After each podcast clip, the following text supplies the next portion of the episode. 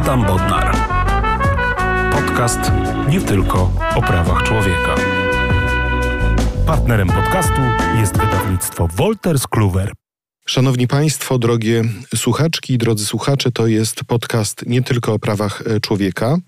E, dzisiaj e, rozmawiam z panem doktorem Arturem Pietryką. Dzień dobry, panie doktorze. Dzień dobry. Pan doktor Artur Pietryka jest obecnie prawnikiem w Kancelarii Wardyńskiej Wspólnicy, jest adwokatem, wiceprzewodniczącym Komisji Praw Człowieka przy Naczelnej Radzie Adwokackiej, ale wcześniej znamy się z pracy w Helsińskiej Fundacji Praw Człowieka, gdzie zaczynał jako prawnik e, w klinice Niewinność, a później prowadził różne e, sprawy interwencyjne i precedensowe. Był także pełnomocnikiem pro bono w różnych ważnych sprawach dotyczących praw człowieka. Przygotowywał różne e, intensywne, ciekawe raporty e, dotyczące e, przestrzegania praw człowieka, na przykład w tematach takich jak e, inwigilacja czy mm, biegli sądowi. Jest adwokatem, a niedawno, no już może nie tak niedawno, mm, obronił doktorat, a właśnie ukazała się nakładem wydawnictwa Wolters Kluwer jego książka o ściganiu przestępstwa zgwałcenia. I o tym będziemy właśnie rozmawiali. E, czy o czymś zapomniałem w tym biogramie? Wydaje się, że nie. Dlaczego taki, a nie inny wybór problematyki? Dlaczego adwokat zajmujący się przestępstwami tak zwanych białych kołnierzyków e, w dużej kancelarii, jednej z największych w Polsce, zajmuje się nagle tematyką ścigania przestępstw zgwałcenia?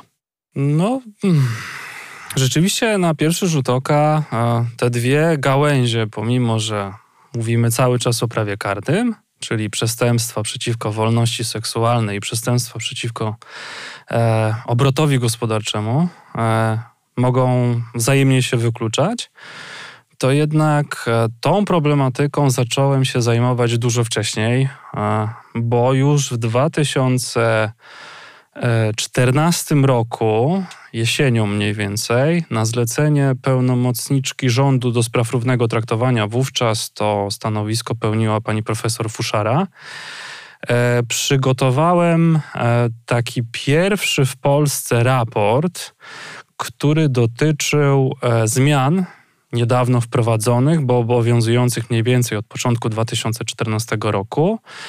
I tenże raport był poświęcony właśnie temu, jak te zmiany, a chodziło przede wszystkim o zmianę trybu ścigania przestępstwa zgwałcenia, e, przyjęły się w praktyce.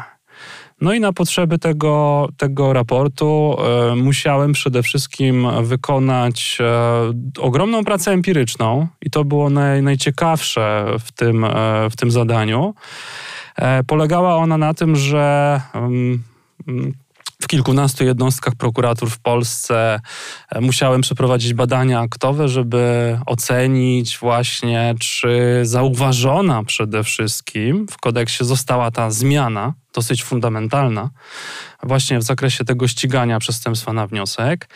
E, dwa, badałem na przykład, jak zaczynają działać instytucje, które w zamyśle ustawodawcy mają e, pomagać i wspomagać osoby pokrzywdzone zgwałceniem. No i generalnie ileś takich różnych aspektów związanych z tym, w jaki sposób w ogóle procedowane są te sprawy. Czyli nie interesowało Ciebie to, jaki jest wymiar kary, i Nie. czy ludzie ponoszą odpowiedzialność, tylko tak naprawdę co się dzieje, kiedy osoba przychodzi na komisariat i mówi tak, właśnie zostałam zgwałcona i jak wtedy działa system państwa, czy system państwa należycie reaguje?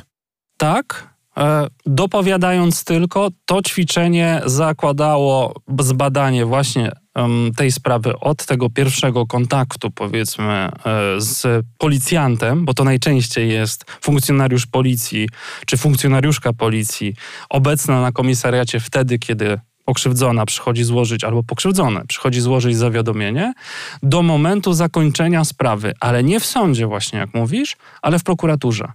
Czyli tutaj był podstawiony taki bardzo ciekawy problem już na początku, że problemem w sprawach o zgwałcenia jest ten etap prowadzenia postępowania przez prokuraturę, przez policję, a nie to, jak one te sprawy wyglądają w sądach.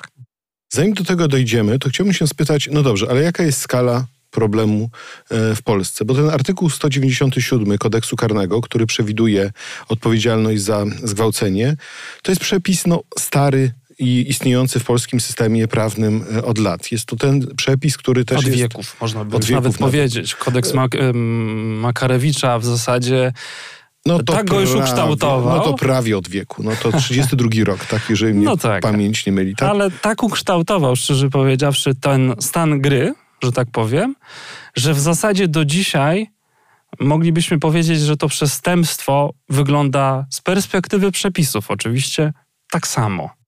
Ale jaka jest skala? Ile mamy, y, ile mamy skazań, ile mamy zawiadomień, ile mamy aktów oskarżenia, e, jeśli chodzi o zgwałcenie? W ostatnim czasie te dane zostały y, upublicznione też za sprawą jednego z dzienników. E, I generalnie wygląda to tak, że mamy mniej więcej około 3000 zawiadomień rocznie, może troszkę więcej. E, aktów oskarżenia od, od 800 do 1000 rocznie. No i mniej więcej tyle samo może troszkę mniej osób osądzonych, tak? Czyli tam, gdzie zapadł wyrok. A uniewinnień? E, mm, ja uniewinnień akurat w ostatnim czasie nie badałem. Tak. Natomiast w, w, tym czasie, kiedy na potrzeby chociażby doktoratu opracowywałem te dane, to te uniewinnienia kształtowały się mniej więcej na poziomie 10%. To jest bardzo ciekawy w ogóle wskaźnik, musimy od razu powiedzieć. Chociażby w tym tygodniu gdzieś w przestrzeni publicznej pojawiła się informacja, jaki jest ogólny wskaźnik uniewinnień w Polsce i on jest na poziomie 2%.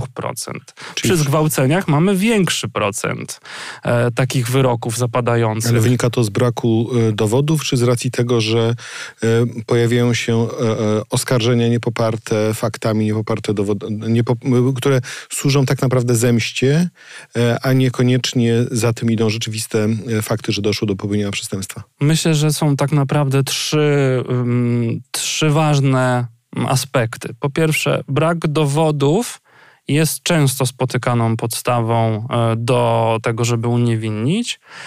E, druga rzecz to jest dosyć jednak trudne przestępstwo do udowodnienia. Pewnie będziemy dalej mówić o tym e, w dalszej części naszej rozmowy. A po trzecie, myślę szczerze powiedziawszy, że ten trzeci czynnik, którym omówisz, czyli te niesłuszne oskarżenia, tu akurat nie podejrzewałbym, że to jest główna przyczyna. Myślę, że akurat to, w jaki sposób ścigane jest w Polsce zgwałcenie. E, a ono jest specyficzne, bo jest to jednak przestępstwo bardzo prywatne, intymne. Relacja między jedną osobą a drugą, ewentualnie między kilkoma osobami a pokrzywdzoną, to jest jednak ona ścigana przez organ prokuratorski, przez prokuraturę jest to tryb tak zwany publiczno-skargowy.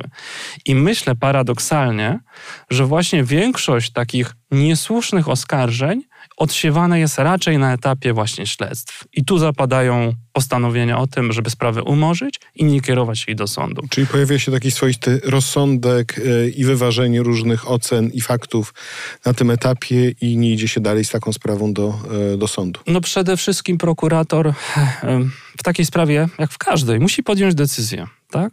Czy idzie z aktem oskarżenia do sądu, czy ma na tyle silne dowody, żeby powiedzieć sądowi, tak było i ta wersja, którą ja prezentuję, jest wersją wiarygodną. E, no i myślę, że w sprawach o, o zgwałcenie, gdzie właśnie mamy tą relację jeden do jednego, bardzo często słowo przeciwko słowu, ta decyzja o niekierowaniu właśnie może wynikać z tego, że ten akt oskarżenia może upaść e, w sądzie, tak? Użyłeś słowa pokry- pokrzywdzona. No ale to nie zawsze jest pokrzywdzona, tylko czasami są pokrzywdzeni mężczyźni, którzy stają się także ofiarami przestępstwa e, zgwałcenia. E, I czy statystyki to pokazują, czy to gdzieś wyszło w jakichś badaniach, ile jest, e, ilu jest mężczyzn, którzy zostali pokrzywdzeni takim przestępstwem? To znaczy, na potrzeby moich badań ja zrobiłem taką e, analizę i oczywiście wynika z niej, że nie je, że zdecydowanej większości przypadków sprawy dotyczyły jednak kobiet ewentualnie no, dziewczynek, tak? Bo, bo tutaj ten wiek może też, ten wiek też brałem pod uwagę, bo wiek decyduje też o tym, czy mamy do czynienia z bardziej surowym przestępstwem, zagrożonym wyższą karą, e, czy też nie. E, natomiast pojawiały się oczywiście przypadki, w których to mężczyźni zawiadomiali policję o tym, że doszło do zgwałcenia i takie sprawy były prowadzone. Jeśli dobrze pamiętam, no to, to, to, to było nie więcej niż 10% przypadków, które ja badałem. Czyli na te tysiąc osób, które w, w, sprawie których sprawy skończyły się wyrokiem, to mniej więcej 100 spraw rocznie to są sprawy, które dotyczą mężczyzn. No, można to w ten sposób uogólnić, aczkolwiek potrzebne byłyby bardziej takie wnikliwe i trochę może nowsze badanie w tym zakresie. Ja swoje badania zakończyłem na roku 2016 też. Ta sytuacja mogła ulec zmianie, natomiast to, co na pewno e, trzeba powiedzieć, to to, że są te sprawy zgłaszane przez mężczyzn i to mężczyźni też po prostu e, inicjują takie postępowania. A to są zgwałcenia e, w ramach e, relacji e, heteronormatywnych czy nieheteronormatywnych, że użyję takiego maksymalnie porządnego słownictwa? O, myślę, że są to oba przypadki. E, czyli zarówno mężczyzna może zgłosić i zgłaszają mężczyźni zawiadomienia dotyczące właśnie takich przestępstw popełnionych przez kobiety, jak i e, dotyczą to, to, dotyczy to sytuacji między na przykład dwoma panami. I ja w praktyce nawet pamiętam, że e, okoliczności jednej z takich spraw E, nie, nie powiem w której prokuraturze, ale był taki przypadek właśnie, gdzie doszło do umorzenia postępowania. Rzecz e, dotyczyła e, tego, że do stosunku seksualnego doszło po, mm, po kontakcie dzięki jednemu z portali umożliwiających właśnie nawiązywanie relacji towarzyskich. No i tam właśnie Mm, jedna osoba zgłosiła zawiadomienie, że, że no pomimo tego, iż prawda, mm, doszło do tego spotkania, no, nie wyrażała zgody na, ta, na, na, na, stosunek seksualny, to jednak została wykorzystana seksualnie. No tak, notabene też takim dosyć ciekawą okolicznością tej sprawy było to, że z akt sprawy można było wyczytać, iż policja zastanawiała się, czy w ogóle stosunek seksualny pomiędzy osobami tej samej płci, tym, w tym przypadku dwoma panami, to w ogóle jest stosunek seksualny. Czy należy to, to w jakichś absurd. innych kategoriach? A co to ma być? No, mm, myślę, że to jest wyraz pewnego. Mm, pewnych stereotypów zakorzenionych w społeczeństwie, że jeżeli stosunek seksualny, to tylko pomiędzy oso dwiema osobami różnej płci, tak? I... Ja mam wrażenie, że ten dym kadzidła się chyba tak unosi za, za, za bardzo i tak wpływa na to takie dziwne rozumienie prawa karnego, tak? No bo mowa jest o stosunkach seksualnych, a to, to nie są znaczy, powiem szczerze, dzisiaj z perspektywy tego, jak w ogóle to przestępstwo, na czym to przestępstwo polega, to no chyba najmniej kontrowersyjnym aspektem tego przestępstwa jest to, co to, co to jest stosunek seksualny, tak?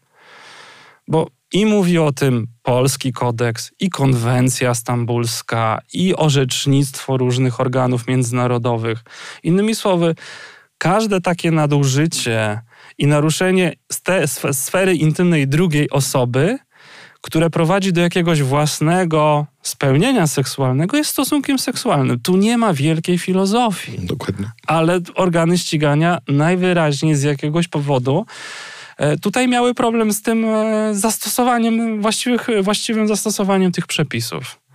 E, przejdźmy może do, do tej kwestii, która jest głównym, mm, głównym przedmiotem Twojego doktoratu i książki, którą, którą wydałeś, a mianowicie do właśnie ścigania przestępstwa zgwałcenia.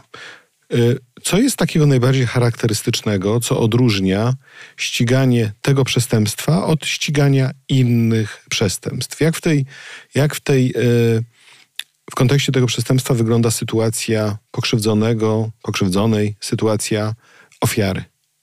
A propos tego ostatniego sformułowania, e, jeżeli trzymamy się takiej prawidłowej, językowej e, wykładni, w ogóle pojęć prawniczych, nie powinniśmy używać w ogóle tego określenia.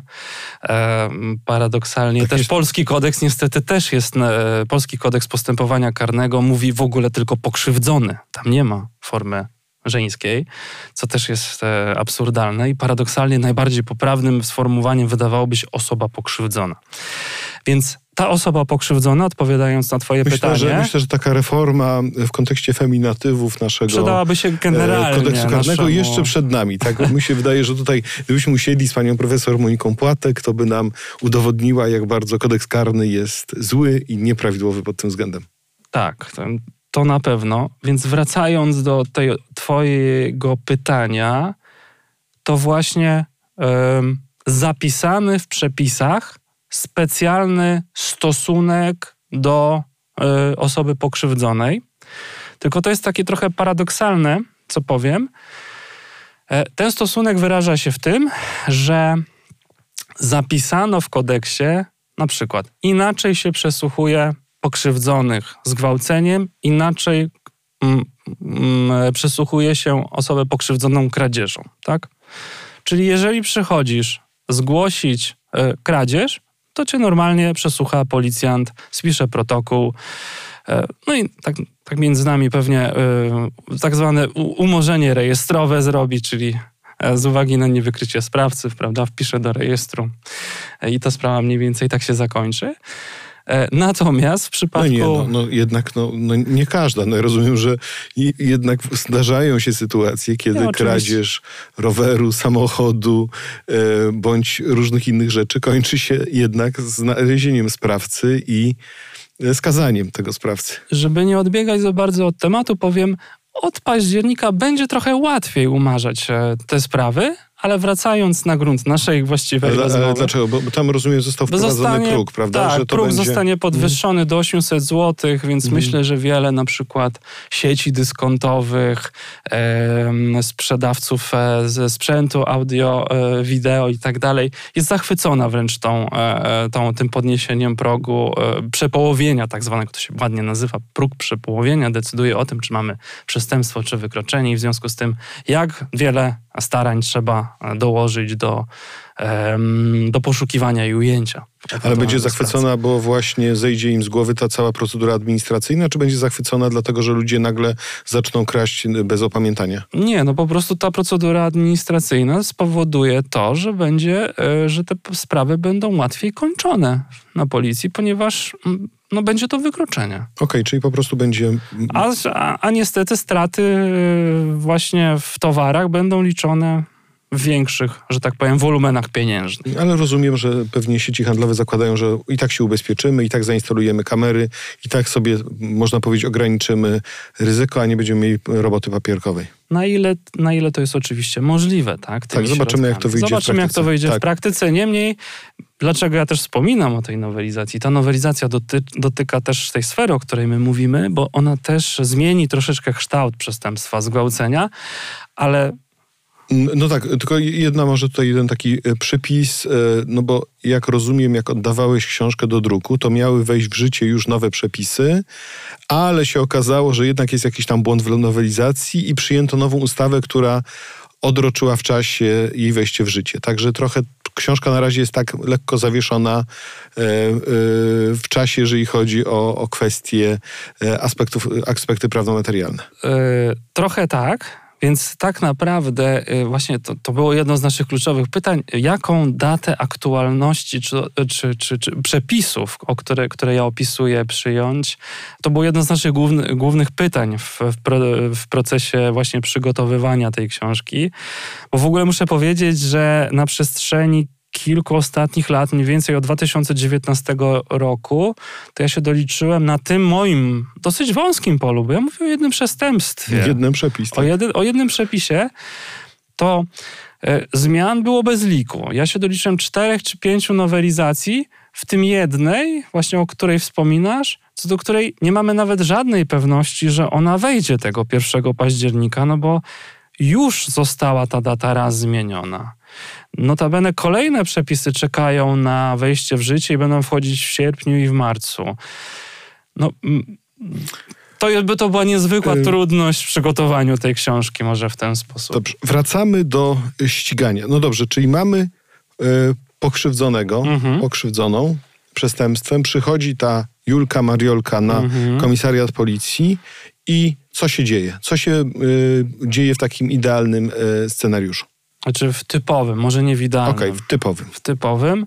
No przede wszystkim y, musi poczekać na to, żeby był ten funkcjonariusz dyżurujący lub funkcjonariuszka dyżurująca, żeby w ogóle przyjął zgłoszenie albo przyjęła zgłoszenie. Ale ktoś jest na komisariacie. Zawsze jest, tak? Ale e, to już powoduje, że przesłucha tą Julkę czy Mariolkę ten, kto akurat może to zrobić. I to nie jest powiedziane, że będzie to pani Anita, tak? która e, jest e, też kobietą i e, może trochę na przykład empatyczniej podejdzie do tych, do tych wniosków. Czyli wymóg tych...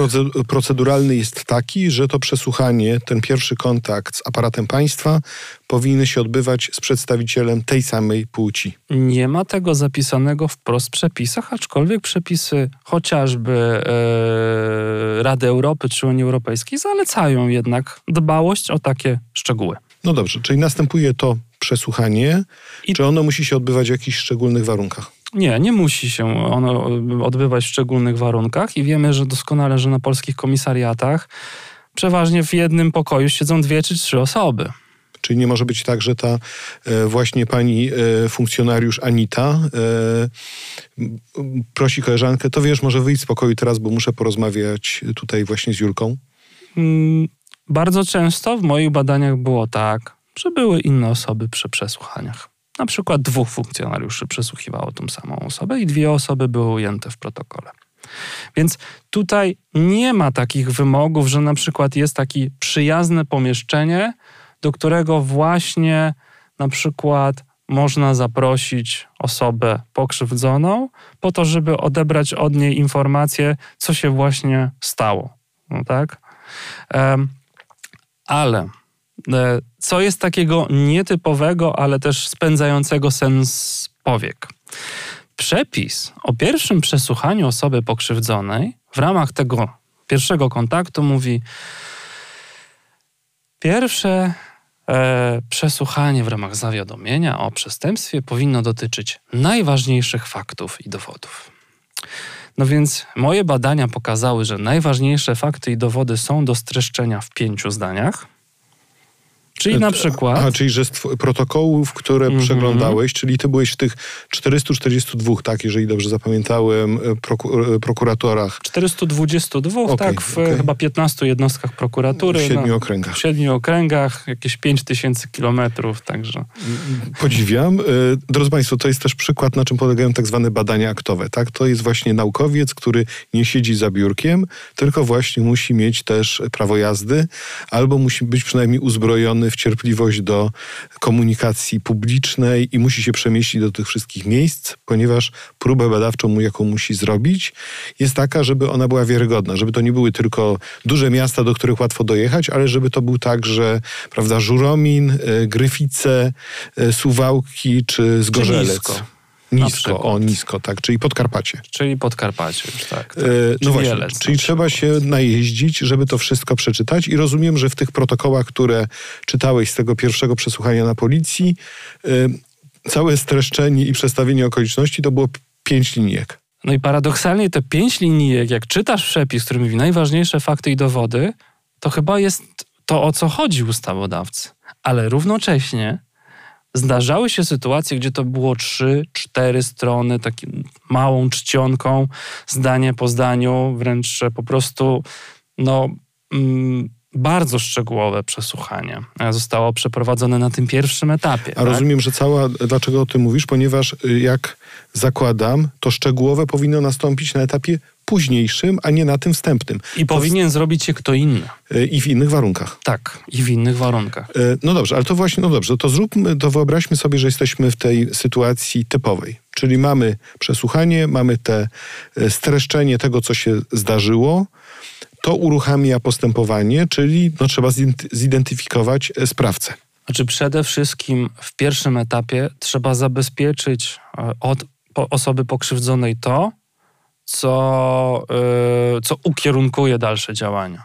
Czyli bielizna, nie wiem, ślady na ciele, yy, badanie ginekologiczne na, na obecność na przykład właśnie E, obrażeń? No, no, mówię o obrażeń, ale też na przykład, nie wiem, nasienia, to wszystko powinno obdukcja. zostać, obdukcja, to wszystko powinno zostać wykonane na tym etapie też, tak? E, czyli kończy się to, ten etap i wtedy y, policjant, y, można powiedzieć, zarządza y, określone te czynności zmierzające do pozyski, pozyskania dowodów. No tak, tak, właśnie. Zabezpieczenia dowodów. Właśnie taki jest zamysł, żeby mhm. jak najwięcej dowiedzieć się z tego pierwszego przesłuchania, co trzeba zrobić, a to przesłuchanie dotyczące właśnie co się wydarzyło, kiedy, jak powinien zrobić sędzia.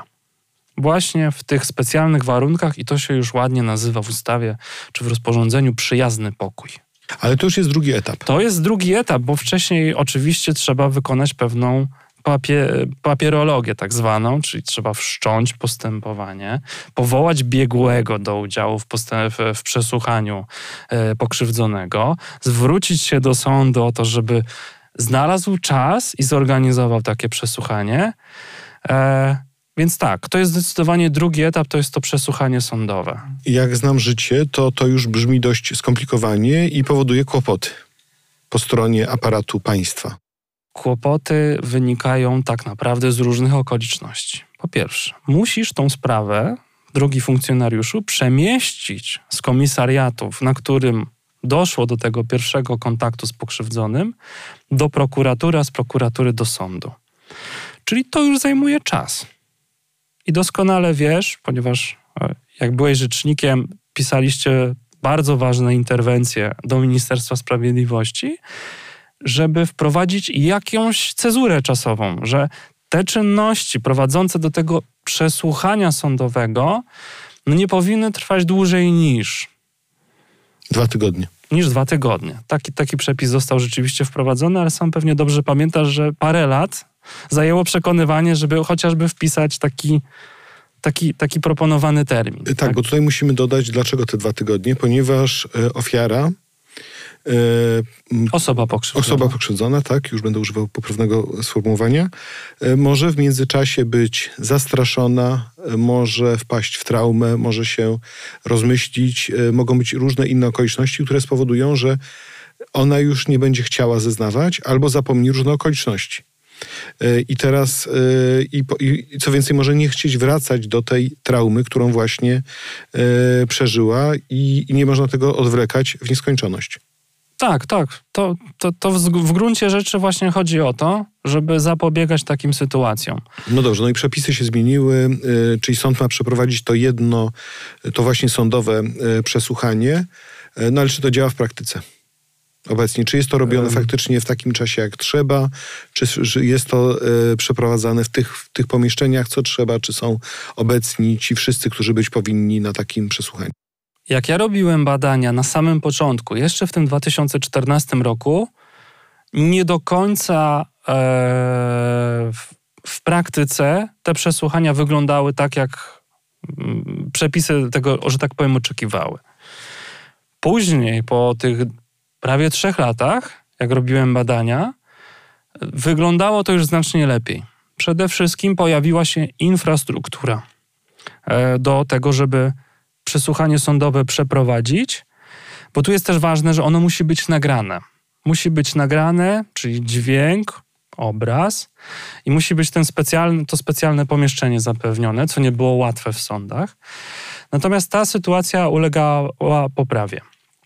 E, I wydaje się, że z tej perspektywy właśnie oczekiwań przepisów jest lepiej. Są te miejsca i są te czynności prowadzone.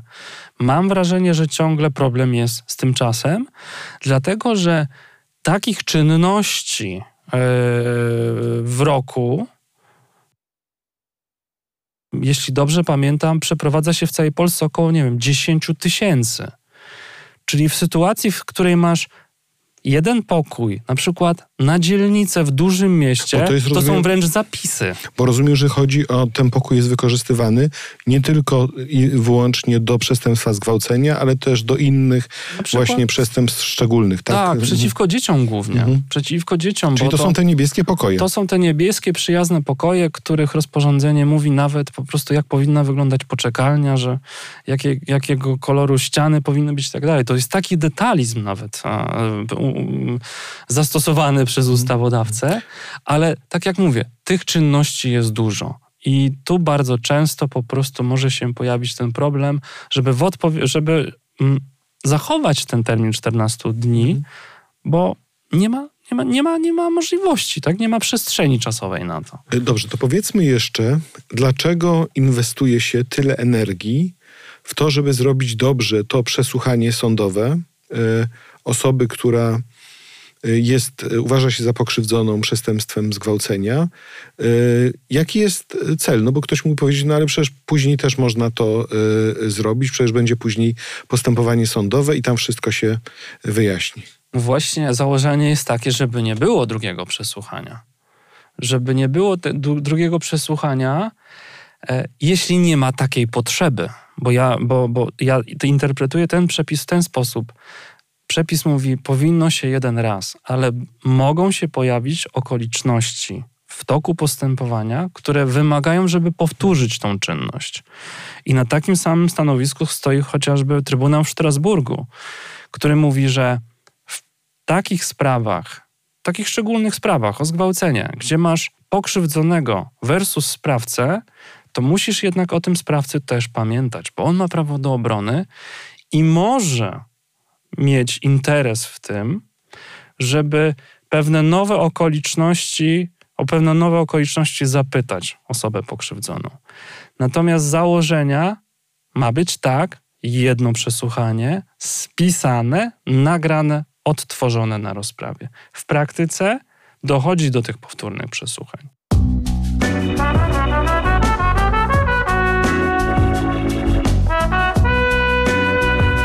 No dobrze, a czy w tym pierwszym przesłuchaniu, tym sądowym, y, tym właśnie organizowanym dwa tygodnie, trzy tygodnie od zawiadomienia, w tym, może w tym y, przesłuchaniu uczestniczyć pełnomocnik y, osoby, której postawiono zarzuty? Mm, obrońca może uczestniczyć. Sama obecność oskarżonego jest tutaj wykluczona, podejrzanego, przepraszam, na tym Tak. etapie. E, No bo ta, ta ofiara, by, e, osoba pokrzywdzona by się wystraszyła, byłaby straumatyzowana i tak no, dalej. Mhm. Prawdopodobnie w ogóle by spotkała tą osobę na korytarzu. Tak, A mhm. gdyby nawet była to taka osoba, która jest pozbawiona wolności, to byłaby na korytarzu jeszcze skuta, prawda, w towarzystwie dwóch policjantów. No i to, to, to, No, wygląda jak, znaczy brzmi jak je- koszmar. No już, jest, już, jest to tak. Mhm. gotowy, gotowy przepis na traumę, tak? Więc, e, więc nie, nie, yy, nie powinien. Natomiast właśnie to nagrywanie e, dźwięku, obrazu ma też dać pewne wyobrażenie o tym, w jaki sposób na przykład osoba pokrzywdzona zachowywała się na tym przesłuchaniu, tak? Czy na przykład mowa ciała tej osoby wskazywałaby na, nie wiem, manipulację e, jakimiś okolicznościami, albo niepamięć, albo przeinaczenie. Ale dobrze, ale czy zdarza się, że pełnomocnik e, osoby podejrzanej już na tym etapie uczestniczy też, zadaje swoje pytania e, i uzupełnia, można powiedzieć, te czynności wykonywane przez, e, przez sąd? Rzadko. W moich badaniach praktycznie w ogóle taka sytuacja nie miała miejsca, dlatego że zdecydowana większość tych przypadków, które ja badałem, to była, te przesłuchania były przeprowadzone zanim komukolwiek postawiono zarzuty. Znaczy, powiem szczerze, taką modelową sytuacją, kiedy to może się udać i ten, pełno, i ten obrońca będzie obecny, jest taka, kiedy mamy de facto na gorącym uczynku złapaną, to, złapanego sprawcę, czy też tą, tego podejrzanego, tak? To wtedy em, istnieje konieczność przedstawienia zarzutów. Przeważnie takie w ogóle przesłuchanie organizowane jest przed wnioskiem o tymczasowy areszt, w związku z czym no tutaj taki obrońca ma szansę wziąć udział w posiedzeniu. e, na którym jest e, pokrzywdzony przesłuchiwany. No tak, tylko że y, sytuacji, w której o to nie dbamy, bo z różnych powodów jest to utrudnione, powoduje, jak rozumiem, że już jak sprawa jest przed sądem, no to wtedy ze względu na obronę, ze względu na prawo do obrony już oskarżonego i tak trzeba zrobić kolejne przesłuchanie. No nie do końca. Okej, no to, to w ilu przypadkach robi się takie kolejne, a, a w ilu, można powiedzieć, strony wierzą e, i uznają to pierwsze sądowe przesłuchanie jako wiarygodne i już nie wnoszą zastrzeżeń dotyczących tego, co tam zostało powiedziane? Tutaj e, dzisiaj e, z perspektywy tych przepisów, które są, ale one się też niewiele zmienią za chwilę, od tam od sierpnia, sam brak możliwości korzystania z pomocy obrońcy, czyli tego, żeby ten obrońca był, czyli nieobecność obrońcy na tym pierwszym przesłuchaniu nie jest automatycznym powodem do tego, żeby to przesłuchanie jeszcze raz przeprowadzić. Okej. Ale no nie ukrywajmy, jeżeli już dochodzi do wniesienia aktu oskarżenia, a co by nie powiedzieć, dowód z przesłuchania osoby pokrzywdzonej to jest kluczowy dowód. Wszystkie inne dowody uważam za ewentualnie potwierdzające e, tak naprawdę złożone zeznania. Tym bardziej, że To- tak to- jak to- powiedziałeś, to jest przestępstwo to, które zachodzi w tej sferze intymnej, prawda? Że nie ma tutaj najczęściej wielu Widzów. innych e, okoliczności, właśnie widzów, świadków, którzy byliby w stanie. Oni mogą świadczyć odnośnie tego, co się nie stało na, Przed. na dyskotece, co się stało po, prawda? Jak się zachowała osoba, nie wiem, w taksówce, jak y, z tego domu na przykład uciekła, tak? Tak. E, Ale no, na miejsc, miejscu nie ma nikogo, tylko oni są, prawda? Także ten dowód e, z przesłuchania pokrzywdzonej jest istotny. Tak, tak. Tak jak powiedziałem, to są sprawy bardzo często oparte na e, słowo przeciwko słowu. Tak? Bo właśnie tak jak powiedziałeś, ktoś może wiedzieć na przykład, że e, pokrzy- osoba pokrzywdzona i ten podejrzany korespondowali od dłuższego czasu. Wysyłali sobie na przykład jakieś e, zdjęcia erotyczne na przykład, intymne i tak dalej, tak? Istniała jakaś zażyłość między nimi i tak dalej. Ale te osoby mogą powiedzieć, potwierdzić takie fakty, ale tego, co się stało już potem, rzeczywiście nie. Dlatego ten dowód ma znaczenie kluczowe i nie, nie, nie ma się co łudzić. Kluczowym kierunkiem obrony w sprawach o zgwałcenie jest dążenie do tego, żeby właśnie poprzez na przykład kwestionowanie wszystkich innych dowodów po drodze wskazać, no z racji tego, że mamy tu taką wątpliwość i taką, musimy przesłuchać osobę pokrzywdzoną. Okej. I Ale też nie zawsze tak jest, że do takiego przesłuchania do, dochodzi. Powiedziałbym wręcz nawet, mm, że, o, że to, co mówi Sąd Najwyższy w sprawach, które rozpoznaje, rozpoznaje właśnie bardzo często kasację, gdzie zapadł wyrok skazujący i nie było tego ponownego przesłuchania, to właśnie bardzo często w kasacji jest podniesione to, że zostało naruszone prawo do obrony i trzeba powtórzyć to przesłuchanie. I Sąd Najwyższy mówi, nie ma automatu. Tak? Każdy przypadek oceniam indywidualnie. I w jednej sprawie może trzeba było to przesłuchanie zrobić, a w, innym, w innej sprawie nie. Czyli w pewnym sensie to jest też wielka odpowiedzialność sądu, który rozpatruje sprawy, żeby w niektórych sytuacjach uznać, no twierdzimy, że to, co zostało zrobione na tym wczesnym etapie mm, jest porządne, dobrze zrobione, zgodnie z procedurami i że jednak w pewnym sensie sąd bierze na klatę w pewnym sensie odpowiedzialność za y, dobry przebieg postępowania i za to, żeby nie krzywdzić ponownie y, osoby pokrzywdzonej kolejnym przesłuchaniem i te wnioski adwokatów y, oddala. Tak? Są takie przypadki, jak najbardziej. E, Co prawda wiem, że nie ma e, jeszcze chociażby w, w Trybunale w Strasburgu zarejestrowanej e, sprawy i zakomunikowanej Pol- Polsce na przykład, w której by ten problem się pojawił, ale wiem, że takie skargi są. Więc to pokazuje, że rzeczywiście sądy, tak jak mówisz, w imię interesów, e, ochrony interesów pokrzywdzonych, osób pokrzywdzonych w tych postępowaniach, mówią, e, nie przesłuchujmy jej. Będzie z tego więcej szkody niż pożytku. I takie zalecenie e, właśnie ochrony, prymatu tej ochrony osoby pokrzywdzonej, ono nie pojawia się tylko w sprawach sądowych, ale może jeszcze wracając do tego ciekawego przykładu, gdzie mówiliśmy o tym, co jest w protokołach. Bardzo często po takich bardzo szczegółowych przesłuchaniach przez policję nie przeprowadza się już później przesłuchania sądowego. Zdarzały się przypadki, że sądy od tego odstępowały. I ja szczerze powiedziawszy, aprobuję taką praktykę. Bo sąd wyszedł z bardzo rozsądnego założenia. Przecież wszystkie kluczowe pytania dotyczące sprawy zadał już policjant. To dlaczego ja, tylko z tego powodu, że przepis mówi, że sąd powinien przesłuchać, mam e, obowiązek e, zaprosić pokrzywdzonego na przesłuchanie i jeszcze raz odpytać go z tego. I to, czyli, i to jest prze, rozsądne. Czyli przepis mówi sąd powinien, nie że sąd musi. Tak? Nie.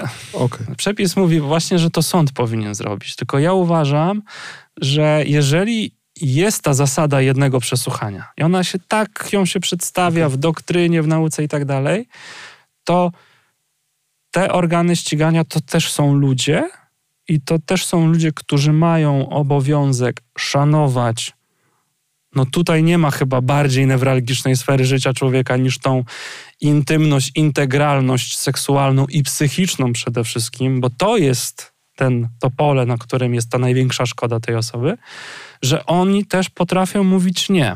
No dobrze, tylko wiesz, to, to prowadzi trochę do niebezpiecznych związków, bo to zaraz wiesz, ktoś powie, a proszę, pan doktor Pietryka powiedział, że w sumie to teraz policja niech robi te wszystkie przesłuchania, to będziemy mieli z głowy e, sąd, byleby były one tylko trochę dokładniejsze niż te właśnie kilkulinijkowe, tak? I wszyscy mówią, super, z głowy cała tutaj biurokracja e, późniejsza, bo pan doktor Pietryka powiedział, że to jest okej. Okay. Ja już to niestety też napisałem na przykładzie tych badań, natomiast okay. ja jestem orędownikiem przede wszystkim tego, że to postępowanie sądowe, to przesłuchanie sądowe to jest ten właściwy moment, żeby zebrać ten materiał.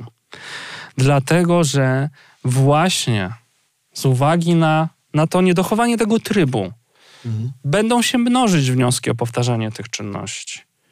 Mało tego, jeżeli tak jest, trafiłaby taka sprawa do Trybunału w Strasburgu, gdzie w ogóle oparto by skazanie na tej pierwszej czynności, jestem pewny, że byłyby duże wątpliwości, czy to jest zgodne z konwencją europejską.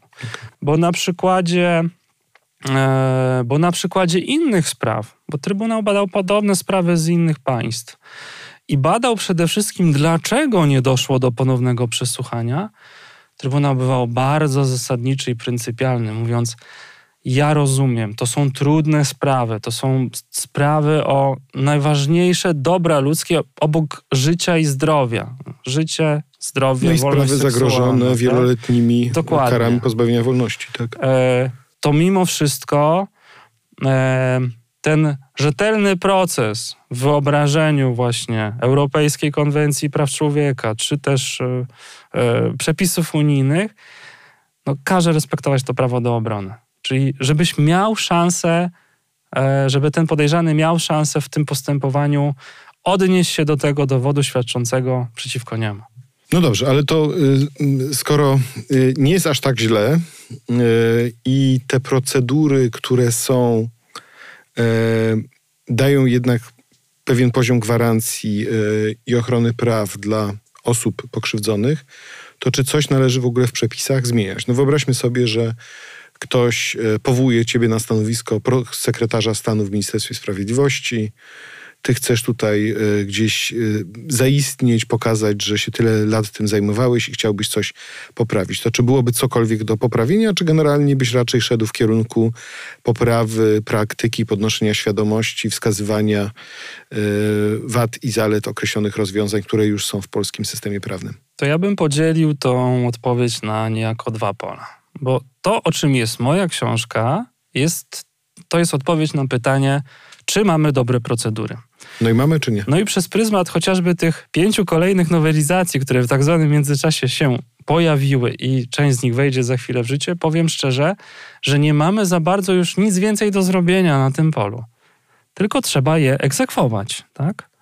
Możemy, czyli, nie wiem... Czyli tu już jeszcze mogę powiedzieć, że pan doktor Pietryka wystawia laurkę ministrowi Warchołowi to minister Warchoł będzie zachwycony. SMS-a ci wyślę.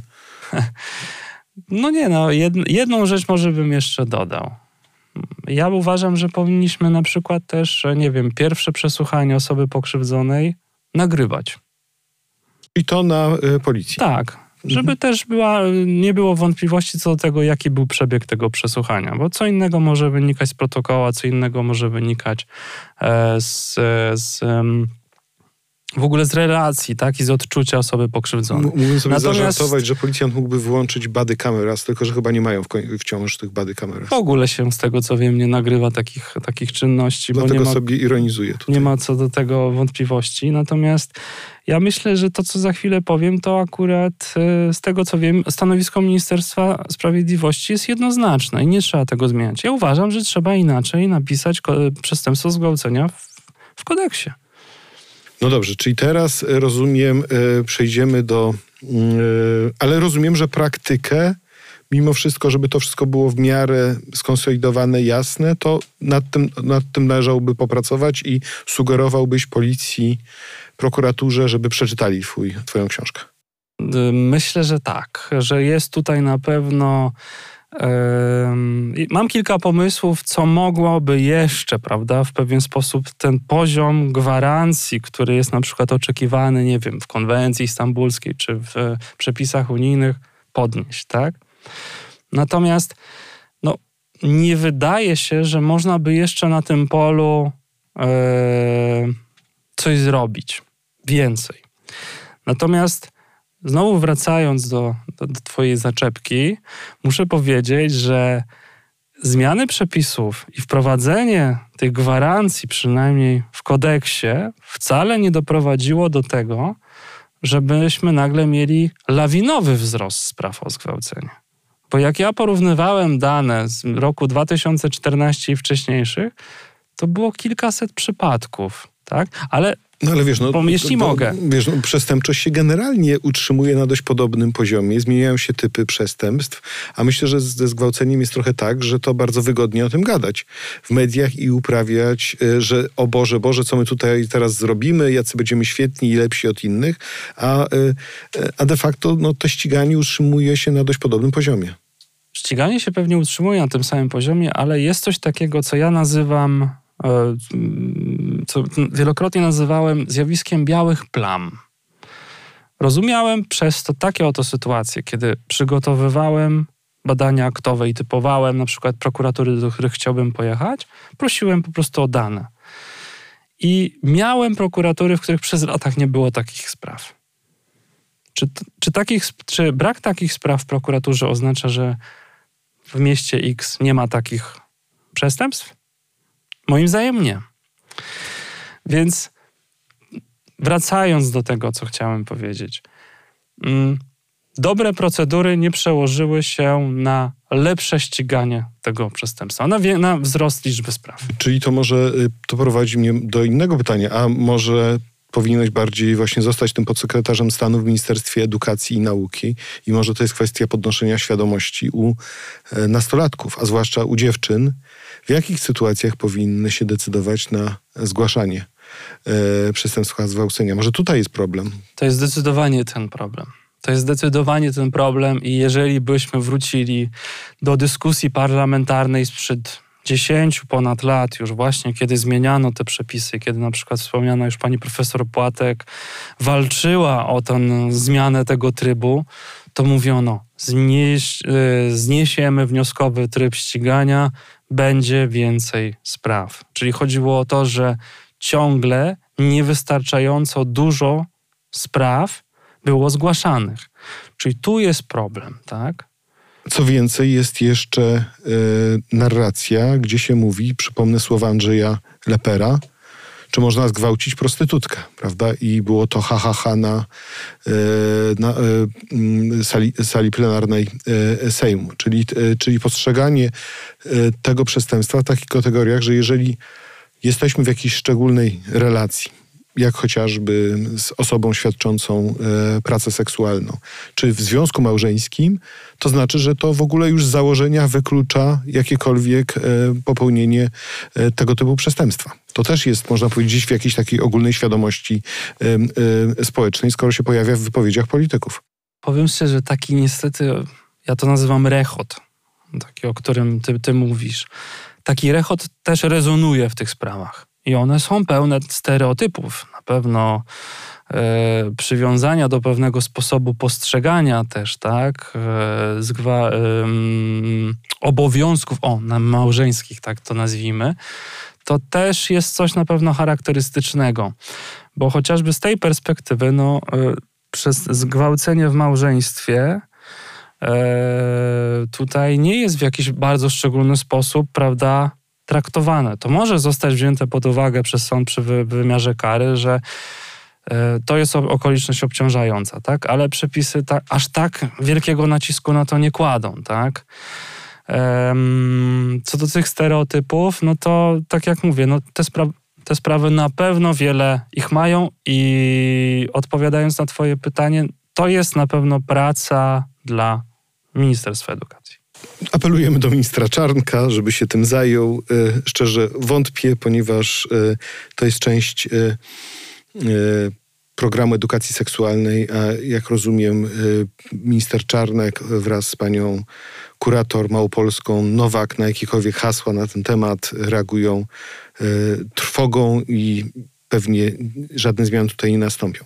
No dobrze, ale skoro już sobie tutaj porozmawialiśmy o różnych postaciach sceny politycznej, to e, pojawił się projekt ustawy e, firmowany przez takie osoby jak pani posłanka Anita Kucharska-Dziedzic, e, jak Wanda Nowicka, jak dr Krzysztof Śmiszek i kilka innych osób związanych z lewicą, który postuluje w ogóle zmianę artykułu 197 kodeksu karnego wyraźnie, że warunkiem odpowiedzialności jest brak zgody na akt seksualny. Co sądzisz o tym pomyśle? Czy to rozwiąże polskie problemy, czy też e, to jest Twoim zdaniem ślepa uliczka? Znaczy, ja powiem w ten sposób. E, pisząc raport dla pełnomocniczki rządu do spraw równego traktowania. Czyli profesor Fuszary. Pani profesor Fuszary tam taki... A tak z ciekawości, a wiesz jak się nazywa aktualna pełnomocniczka? Eee, nie wiem, ale wiem, że mój raport już nie jest dostępny też w internecie, więc wraz nie, ze zmianami w tym wiesz, zakresie... E, ja, ja zadaję to pytanie na spotkaniach publicznych. E, nikt nie wie, tak? Nikt nie wie. Jest taka osoba w rządzie, e, co ciekawe w strukturze Ministerstwa Rodziny i Polityki Społecznej, która pełni taką funkcję. Nikt nie zna nazwiska. To może Przykro. zostawię słuchaczy i słuchaczki, niech sobie sprawdzą w, w Wikipedii. Więc wracając do tego raportu, pamiętam, że tam wyraziłem pogląd, że jeden z typów, ten nie polegający na obcowaniu seksualnym, ale na innej czynności seksualnej, powinien zostać zmieniony w tym kierunku. E, dziś z perspektywy czasu, kiedy nie widzę żadnego trendu wzrostowego, a jednocześnie znając dobrze podejście przede wszystkim Grevio, które nas... czyli komitetu, który monitoruje wykonywanie e, konwencji stambulskiej z naszym polskim przedstawicielem, także panem doktorem Grzegorzem Wroną. Tak jest. E, więc znając podejście właśnie e, to jest z tej perspektywy konwencji stambulskiej, ale też z perspektywy tego, że na poziomie unijnym pani doktor Spurek chociażby walczy o tą dyrektywę antyprzemocową i tutaj też e, trzeba te wysiłki docenić. E, uważam, że nie ma innej możliwości niż pójścia w tym kierunku, e, bo powiem szczerze, mm, ta zmiana mm, dzisiaj, ona by polegała przede wszystkim na tym, żeby w przepisie napisać, że kto doprowadza e, inną osobę do obcowania seksualnego bez, bez swobodnej tam zgody tej osoby, podlega karze za zgwałcenie. Czyli polegałoby to na usunięciu de facto tego, że nie ma tam już mowy o przemocy, podstępie i groźbie. E, więc to podejście musiałoby zmienić przede wszystkim sposób postrzegania e, tych spraw przez prokuratorów i sędziów i zmienić te ciężary i zmienić te priorytety, które muszą podlegać ocenie przy tym przestępstwie. No dobrze, ale to wtedy wiesz, jak robisz taką zmianę, e, to albo ci się pojawia ten właśnie wspomniany minister Warchoł, albo jakiś pan Mencen i ci z takim rechotem mówi ha, ha, ha, ha, ha, to teraz przed każdym aktem seksualnym to ludzie będą wręcz akt notarialny podpisywali, żeby wykazać, że ta zgoda e, była, bo inaczej to będzie im groziła odpowiedzialność karna. I co na ten zarzut odpowiesz? Powiem w ten sposób, to znaczy, że nie ufają prokuratorom. Bo przestępstwo zgwałcenia jest dzisiaj ścigane nie w drodze prywatnej, że pokrzywdzony idzie do sądu, tak jak z artykułem 212 i mówi, ktoś mnie zjesłabił, to ktoś mnie zgwałcił, tylko idzie z taką sprawą do prokuratury. I finalna decyzja o tym, czy będzie sprawa, czy nie, ee, zapada na szczeblu prokuratorskim. I Czyli... dopóki jest tryb publiczny ścigania, uważam, że nie będzie nagle z kolei takiego już wręcz lawinowego wzrostu, że każdy stosunek seksualny będzie oceniany z perspektywy tego, czy doszło do naruszenia kodeksu karnego. No ale czy to nie będzie utrudniało prokuratorom właśnie badanie takiej e, sprawy? No bo wiesz, być może łatwiej jest wykazać podstęp e, czy groźbę, niż właśnie zastanawiać się, czy tu była ta świadomie wyrażona e, zgoda. Ale moim zdaniem prokuratorzy ciągle będą musieli oceniać te wszystkie okoliczności. E, czy właśnie e, opór, czy też właśnie ta zgoda nie została wymuszona przemocą, biciem, uderzeniem, przytrzymywaniem. To nie zniknie. Każdy przypadek znowu będzie musiał zostać oceniony z perspektywy tego, jak to się stało, że doszło do obcowania seksualnego.